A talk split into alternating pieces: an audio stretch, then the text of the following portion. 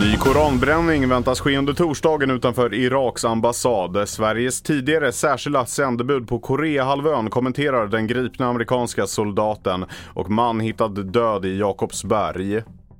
Det här är TV4-nyheterna. Polisen har beviljat en ansökan om en allmän sammankomst utanför Iraks ambassad i Stockholm på torsdag.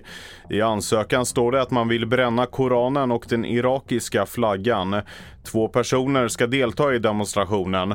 Personen bakom ansökan säger till TT att det är samma personer som tidigare i somras brände en koran utanför en moské i Stockholm.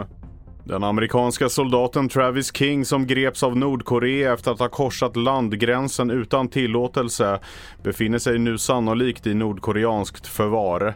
Det meddelade Vita huset igår kväll.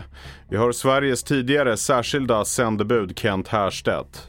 Det här att han också har militär bakgrund gör ju det också ytterligare kompli mer komplicerat som, som Bosse Lindvall tidigare nämnde här. Så att det här är totalt sammantaget en väldigt komplicerad situation. Jag tror att det här kommer ta många veckor innan vi får riktigt klarhet i hur den här frå eh, frågan ska hanteras. Jag har hört att, att både FN och Sydkorea och även från svenskt håll och andra försöker nu på något sätt göra ansträngningar för att, att kunna bidra till det här.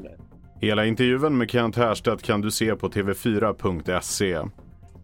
En person har hittats död i Jakobsberg i Stockholm efter att sjukvårdspersonal larmat polisen.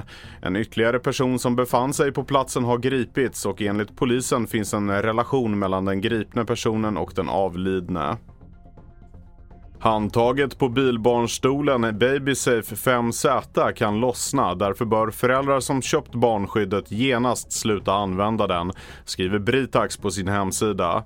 Företaget säger att om den vuxna bär barnet i babyskyddet kan handtaget lossna vid sällsynta fall. Den som äger babyskyddet kan gå in på företagets hemsida och fylla i serienummer för att ersättas med en nyare modell.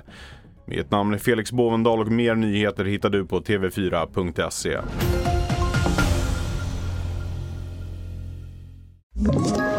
Ett poddtips från Podplay. I fallen jag aldrig glömmer djupdyker Hasse Aro i arbetet bakom några av Sveriges mest uppseendeväckande brottsutredningar.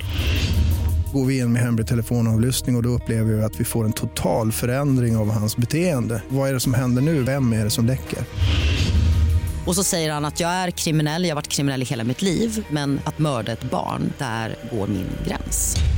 Nya säsongen av Fallen jag aldrig glömmer på Podplay.